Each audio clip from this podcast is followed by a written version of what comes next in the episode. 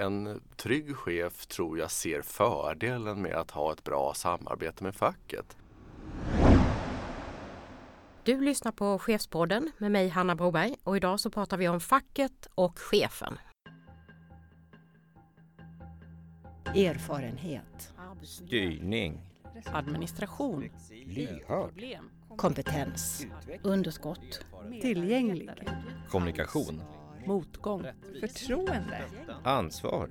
Coachande. Rättvis. Konflikt. Tillit.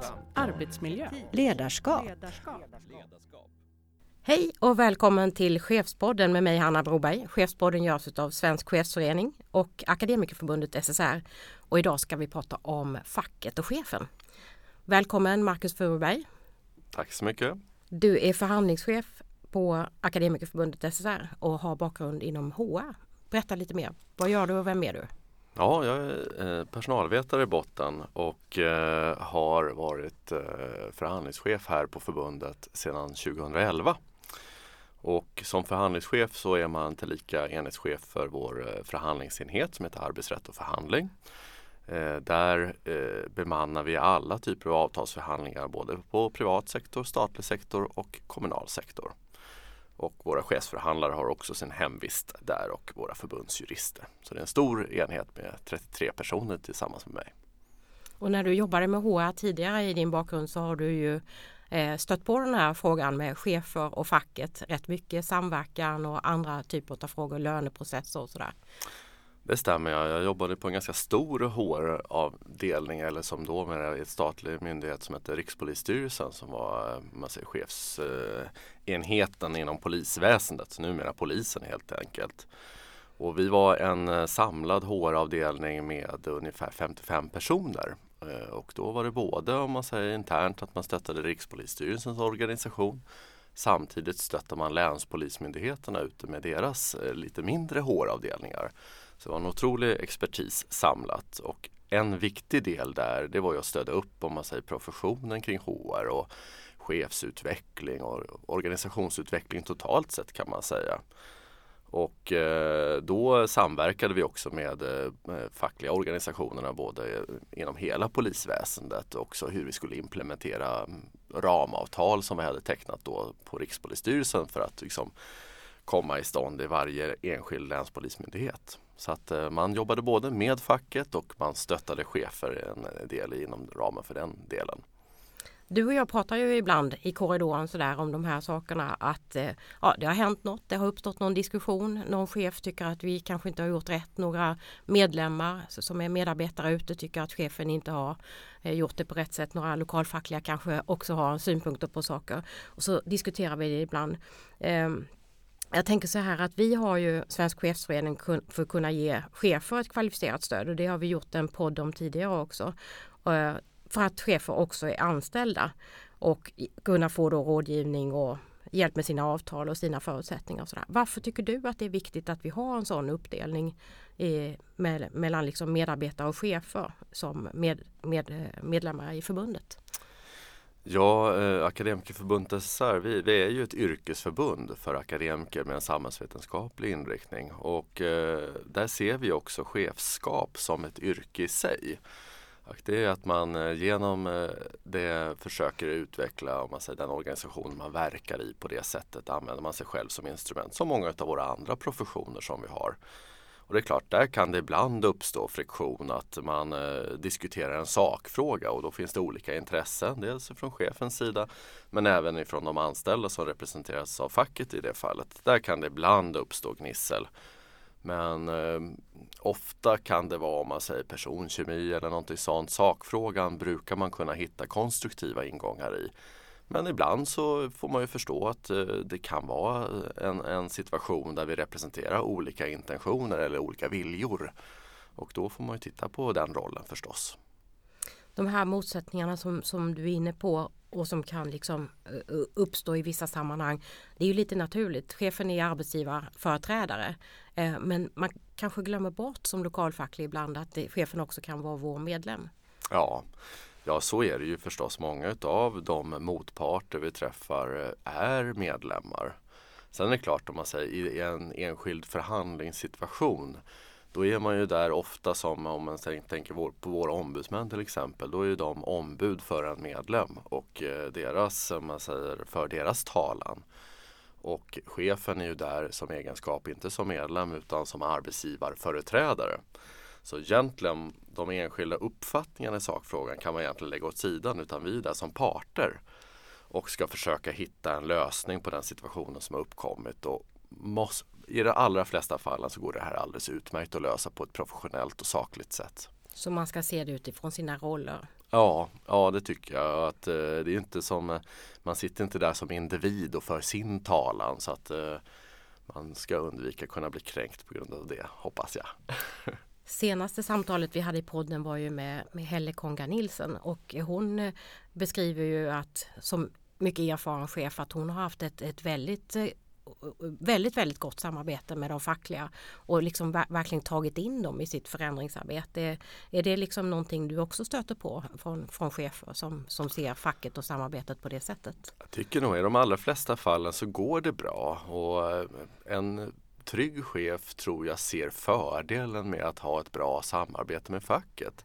För det är klart, vad är det för någonting om man säger chefens uppdrag att utveckla eh, organisationen tillsammans med dess medarbetare. Så att, och där tror jag att man kan man hitta ett bra förhållningssätt till de fackliga parterna och få med dem och också förstå vad är det de står någonstans. Varför är de, uppfattas de en situation negativt? Ofta beror det på att man kanske har för lite kunskap om situationen, att man inte ser hela bilden, man har inte förståelse för det. Och där tror jag att trygga chefer ser en fördel med att ha ett, ett bra samarbete med facket. Så en upparbetad och bra dialog är, är viktig och, och, och, att man liksom har god kunskap? Ja, det tror jag. Vi brukar, oftast om man säger där eh, den här ytan finns eller dialogutrymmet finns ju, det är förhandlingsskyldigheten enligt MBL. Men ofta i de flesta organisationer så finns ju ett lokalt sam samverkansavtal där man berättar om här, hur gången ser ut för de här dialogerna och då finns ju lokal samverkansgrupp, central samverkansgrupp och så. Eh, och vid de tillfällena då ser man oftast om man säger att när man utvärderar det här, vad är det skaver någonstans? Vad är problemet någonstans?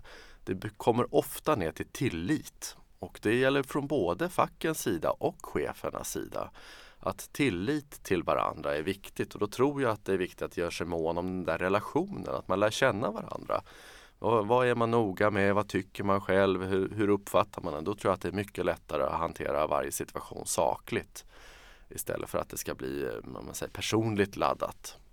Om man då inte är så erfaren chef utan ganska ny och, och inte så van att jobba i, i den här typen av relationer. Hur, hur, ska man, hur ska man tänka då? Vilket, vilket stöd kan man få? Jag gissar att arbetsgivarorganisationerna kan ge viss, viss stöd men våra chefsförhandlare kanske också kan ge viss rådgivning kring detta.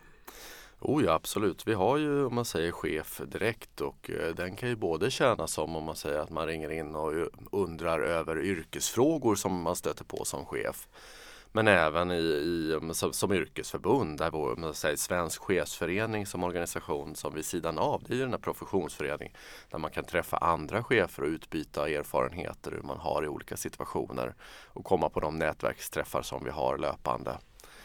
Men jag tror också att man kan prata med sina chefskollegor och, om råd. Hur gör ni i olika situationer? Ibland finns inte ett tydligt facit i hur man hanterar en situation utan det kan ofta vara bra att eh, tänka högt tillsammans med en kollega om man säger hur gör man här?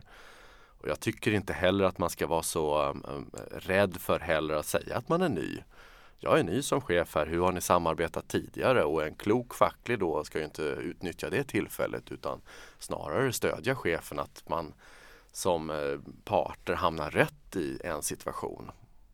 Du, du, du, säger parter flera gånger att det inte är motparter och det är kanske också är ett viktigt synsätt att, att, att se det så att man, man har ganska mycket gemensamt också. Ja, I de allra flesta fallen så skulle jag snarare säga att vi är medparter i en situation. Eh, om det gäller om man säger verksamhetsfrågor eller MBL-frågor eller typiska samverkansfrågor då är det ju arbetsgivaren till syvende och sist som bestämmer. Eh, och det är klart att eh, vi som facklig part i den, vi ska ju försöka bidra i den beslutsprocessen så att det slutgiltiga beslutet blir så klokt som bara möjligt för verksamheten och för de medarbetare som verkar i verksamheten. Och jag tror kan man ha det fokuset att det här är för verksamhetens bästa. Man håller på att processa det här beslutet i samverkan. Men man ska inte glömma bort att det är arbetsgivaren till syvende och sist som bestämmer. Och då, är klart, då kan arbetsgivaren vara lugn i det och även vi facken eh, säga att vi kan försöka påverka de besluten så att de blir bra utifrån verksamheten och för våra medlemmars räkning. Jag tänker på några sådana här gemensamma perspektiv som, som man borde kunna hitta eh, samsyn i är ju sånt som eh, kompetensutveckling, en långsiktig kompetensförsörjning, eh, alltså utvecklingsfrågor där, där vi som fack också driver rätt mycket att ja, attraktivitet och, och, goda förutsättningar är en del i detta som, som kanske vi driver mycket men, men vi ser ju också alltså, alla medlemmars framtida arbetsmarknad och så. så att generellt driver vi de frågorna också där vi säkert skulle kunna hitta liknande eh, liksom perspektiv och gemensamma eh, frågor att driva egentligen. Ja, det tycker jag. Vi kan, kan till och med spetsa till det lite grann att vi, vi som yrkesförbund för dels personalvetare och för många chefer ibland kan ju känna sig som mer arbetsgivare än arbetsgivaren själv i vissa situationer. Men skämt åsido, men eh, jag tycker oftast att vi har en ganska bra samsyn. Sen kan det ju gå, gå snett i vissa delar där ibland att en, en chef i en organisation har press på sig att för snabbt komma fram så att man inte hinner med och få med sig personalen inför ett beslut. Och det är oftast en, eh, en genväg som kan eh, dra ut på tiden för att eh, egentligen verkställa beslutet. Så att det oftast så finns det förklaringar till varför går det tokigt ibland och varför, varför kan vi inte hitta en bra dialog. Eh, det brukar att eh, en process måste man också investera i och att ge tid till att verka. Tid och tålamod. Ja, ja. många gånger är det det. Jag tänkte att vi skulle komma in på några här, lite mer konkreta områden där chefen och facket eh, kanske har gemensamma intressen och kanske mer än man tror då. Eh, löneprocessen som vi sitter i och varje år så jobbar man med den och man träffas fack och chefer och där man som chef kanske också känner speciellt som mellanchef att man har inte jättestort utrymme. Man, man tycker att man har duktiga medarbetare, man skulle vilja eh, belöna dem. Eh, nu är inte lönen det enda men viktigt. Eh, och, och att man kanske får en, en viss summa och den är kanske inte tillräcklig för att man skulle kunna göra det man skulle vilja. Så där, där, kan ju facket och chefen sitta i en lite klurig situation. Hur, hur tycker du att en bra löneprocess borde se ut? Ja, eh, den här typen av processlöneavtal som, eh, som vi tecknar i stort sett på alla avtalsområden den bygger ju väldigt mycket på ett aktivt, aktivt deltagande av de lönesättande cheferna. De lönesättande cheferna är nästan nyckeln i den här processen. Att man eh, som lönesättande chef får, får inflytande över och kan påverka om man säger det löneutrymme man själv förfogar över. Vi vill ju helst att alla löner ska vara så rätt satta som möjligt. Sen kan vi förstå förstås att det kan finnas två perspektiv på vad som är rätt lön. Men jag tror ändå att tittar man, eh, får man som lönesättande chef inflytande över sin medarbetares grupps lönepott eh, så kan man också, hur ser löneökningsbehovet ut så att man verkligen kan behålla och, och eh, värna om den kompetensen som finns i organisationen. Och där tror jag att vi behöver hitta bättre processer i de allra flesta ställena. Det här är någonting som vi verkligen behöver utveckla och, så att lönesättande chefer känner att de kan påverka lönesättningen i större grad än vad man gör idag. Vad tänker du om hur facket skulle kunna jobba annorlunda med de här processerna? Alltså vad, vad kan vi bidra till liksom den här debatten kring hur löneutrymmet bör se ut och, och stötta cheferna i att de får den möjligheten att, att påverka eh, lönesättningen bättre och så vidare? Ja, om man säger en lokal löneöversyn den pågår ju egentligen hela året om. Och där måste man nog se om man säger hur, hur bildas lön egentligen? Den bildas ju hela tiden, alltifrån vid varje ny rekrytering som vid den årliga löneöversynen. Och det är klart, allt det här, då vill man ju se till att man har en bra lönestruktur på sin, sin grupp medarbetare där man kan då både rekrytera ny kompetens, i vårt fall till exempel nya eh, examinerade akademiker, att man är tillräckligt attraktiv som organisation att kunna locka till sig rätt kompetens. Och då kan man börja fundera över vad vi brukar resonera i, hur ser strukturlönesituationen ut? Och då kan man säga så här, om man har en kravprofil, kan ta eh, på en HR-avdelning till exempel, personalvetare, personalhandläggare kan vi säga. Om man nu tänker sig den absolut mest juniora handläggare man kan tänka sig men har fortfarande tillräckliga kvalifikationer. Man bör ha, man ska ha en akademisk eh, utbildning inom HR till exempel. Då kan man säga, ja, var ligger den lönen någonstans? Ja, då kanske man landar i en eh, lönesättning någonstans runt 30 och så vänder man på det då. Den mest skickade eh, HR-handläggare man kan tänka sig men ändå fortfarande HR-handläggare. Ja, då kanske det ligger någonstans upp mot 50-55 i vissa organisationer beroende på hur ansvarsfördelningen ser ut. Och då kan du se där, då har du en teoretisk lönespridning mellan 55 och 30. Och det är klart, sen börjar man överföra den här teoretiska lönestrukturen på befintliga medarbetare. Vad har vi dem i det här? Har vi någon som är den där absolut bäst skickade Eh, kanske eller kanske inte. Ifall att vi har det och ligger man inte då tillräckligt högt i lönestrukturen kanske man ska fundera på hur kan jag säkra att den här kompetensen stannar kvar Exakt. inom min organisation?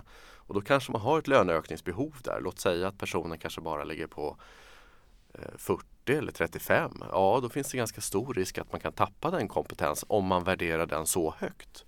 Då kanske man får ett löneökningsbehov där, där man kan behöva vara lite mer offensiv i sin lönebildning. Eh, men sen kan det också vara så att man hamnar i en situation att man har ett välhävdat löneläge. Ja, då är inte löneökningsbehovet lika stort. Eh, och det är det här som ska processas fram i varje enhet egentligen och därför tar det här en ganska lång tid i en organisation men det är väl investerad tid. Och skulle man göra det på ett ordentligt och seriöst sätt då tror jag att man skulle slippa den alldeles för höga personalomsättning vi ser idag. Vi har en på tok för hög personalomsättning. Tittar vi på några av våra grupper så generellt sett för akademiker mellan i kommun och landsting till exempel. Då har vi en eh, personalomsättning egentligen för alla akademiker mellan 2015 och 2016 som ligger upp till 25 procent. Det är alltså en fjärdedel av alla akademiker som byter jobb inom ett år. Sen tittar vi på några av våra mer utsatta grupper som inom sociala arbetsområdet. Ja, då kan det vara i hela riket upp mot 34 procent. Det är otrolig personalomsättning och det kostar ju tid och pengar. Och den, den investeringen den skulle jag snarare hellre vilja se en lite mer offensiv lönebildning. Så det kan man, det borde finnas ett, ett stort gemensamt intresse här för fack och chefer att hitta lösningar på det och, och, och det kostar ju enorma summor i, i tid och arbete och faktiskt eh, konkreta ekonomiska resurser också, den personalomsättningen. Ja, det tror jag. Skulle vi bara börja kartlägga hur mycket tid våra chefer lägger på rekrytering och sitta i olika bemanningsgrupper och så, så är det nog enormt mycket tid och pengar som skulle avsättas till mycket andra verksamhetsfrågor istället. Men ute lokalt så är det väl så att varken chefer eller, eller lokalt fackliga har jättemycket kunskap kring de här eller man sitter fast i gamla sätt att arbeta ganska ofta. Får man verkligen till en sån här seriös löneprocess och den här typen av diskussioner? Jag tycker att det har börjat ske en viss utveckling. Eh, vi har ju, valde ju för några år sedan att eh, teckna ett avtal utan centralt satt siffra och det har ju satt större fokus på att processa fram hur ser löneökningsbehovet ut i varje organisation. Och där tror jag att vi både kan se med de marknadskrafter som numera råder på våra grupper, i stort sett alla akademiker egentligen, så behöver man som arbetsgivare vara väldigt mån om att kunna behålla den kompetensen man har. Och då tror jag man behöver vara lite mer offensiv. Och där, där tror jag att man börjar se det och börja hitta strukturer och processer som utvecklar lönebildningen. Sen många gånger så kan den, en, en lönebildning i en stor organisation den kan vara lite för rigid. Att det är svårt att gå in som varje lönesättande chef att faktiskt få aktivt påverka sin, eh, sitt löneökningsutrymme.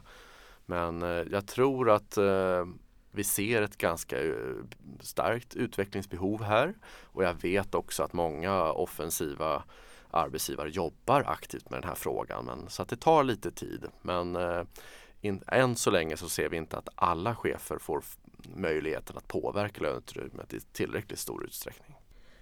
Marcus, jag tänkte att du har varit inne nu på både personalomsättning och hur löneprocessen skulle kunna utvecklas och bli bättre och sådär. Och jag tänkte att vi skulle komma in på några ytterligare utmaningar som man kan se där chefer och facket säkert skulle kunna jobba mycket tillsammans i olika sätt att samverka. Jag tänker på den stora diskussionen kring ökad tillit till professionen. Vad kommer en ny sån styrning att innebära? Kanske också eh, omställning med, till mer digitalisering i, i vår eh, eh, vardag och vårt yrkesliv och så. Eh, vilka utmaningar ser du där vi skulle hitta ett samarbete? Jag ser väl i viss del att de hänger ihop också. Eh, jag tror vi har ju en stark eh, digitaliseringsvåg som kommer nu och, eh, och det är ju bra. Det, utveckling ska man ju bejaka. Sen så blir det ju alltid en utmaning när vi har eh, regelverk som styr och kan, det kan ibland gå lite för snabbt också. Och där tror jag man måste vara noga med att man har med sig professionen i den här utvecklingen. Så att man får titta på att professionen får vara med och så att man kan använda digitaliseringen och de den artificiella intelligensen som någonting positivt i utvecklingsarbetet och där man ser att det stödjer professionen i större utsträckning. Och där tror jag att tillitsdiskussionen kan bidra till stor del om man släpper in professionen fullt ut. Jag tror tidigare styrningsmodeller där kanske mer har varit inriktad på om man säger krav och mer uppföljning och då har man kanske tappat de professionella bedömningarna fullt ut och budget har fått alldeles för stort utrymme. Så kan man använda digitaliseringen tillsammans med tillit till professionen så tror jag att man kan göra stora vinster. Och det kommer bli lönsamt över tid, tror jag faktiskt. Eh, sen hänger ju det ihop med den stora utmaningen som vi delvis var inne på, men det är ju kompetensförsörjningen. Vi ser att det är en brist på akademiker kommande år här nu och inte minst inom kommuner och landsting. Man säger ju inom kommuner och landsting att man ska rekrytera 550 000 nya medarbetare fram till 2025. Och då är en majoritet av dem akademiker. Och det är klart, säger man då samtidigt att det utexamineras ungefär 40 000 per år, ja då kan ju vem som helst som kan räkna att då skulle kommuner och landsting behöva ta alla akademiker som utexamineras. Och det kommer inte gå om man fortsätter ligga efter i löner till exempel. De ligger långt efter andra sektorer. Så att det kommer vara en utmaning som de flesta arbetsgivare behöver jobba med kompetensförsörjning och då ser jag lite grann idag att man håller lite för kort perspektiv. Jag skulle vilja se att man hade kompetensförsörjningsplaner som sträcker sig både ett, två och tre år i alla fall. Att man tittar lite längre och ser hur ska vi kunna möta dem? Och involverar facken såklart i det processen och professionerna så att vi tillsammans kan utveckla arbetsplatserna och eh, verksamheterna så att vi faktiskt kan behålla den kompetenta personal vi finns men också kunna vara attraktiva framöver och eh, utveckla verksamheten så att det blir än vassare såklart. Det här att vara attraktiv i den här stora förändring som, som kommer och, eh, kräva väldigt mycket av eh, organisationerna, cheferna och facket och så. Då tänker jag att det hamnar tillbaka ganska mycket i den här vardagen som vi, som vi umgås, fack och chefer. Eh, och jag tror att eh, när vi träffar chefer så pratar de ganska ofta om. Eh, det är mycket, förutom den här personalomsättningen och rekrytering och, och mycket administration och så, så är det ju också mycket kring eh, det ansvar man har eh, med, kring förebyggande, eh, kring, kring vår arbetsmiljö som har varit rätt, rätt tuff fråga för många chefer länge. Ser du att facket och, och cheferna skulle kunna jobba på ett tätare sätt i, i, i den liksom vardagen kring, kring det förebyggande arbetet och, och eh, ja, också Eh, ja, dra åt samma håll i det arbetet ännu mer? Ja, eh, det där tror jag klart. Men en sån här stark eh, förändring som vi står inför, det kommer nog påverka alla yrken i allra högsta grad. Då tror jag att en, en förändringsprocess brukar alltid göra lite ont. Vi människor är inte alltid så förändringsbenägna.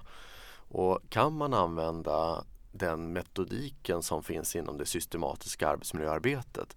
Då tror jag och använder det som kontinuerlig dialog egentligen både på arbetsplatsträffarna men också i samverkan med facken.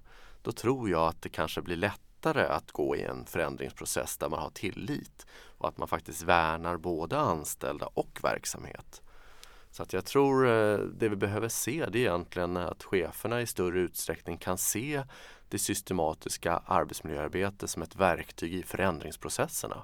Gör man det, då hoppas jag att man kan få personalen med sig istället för emot sig. För klart, får man personalen emot sig i en förändringsprocess då kommer det bli en betydligt jobbigare förändringsprocess än om man kan använda personalen som en resurs och få feedback på de förändringsförslag som kommer och kunna få synpunkter så att man kan anpassa det ännu mer efter verksamhetens behov.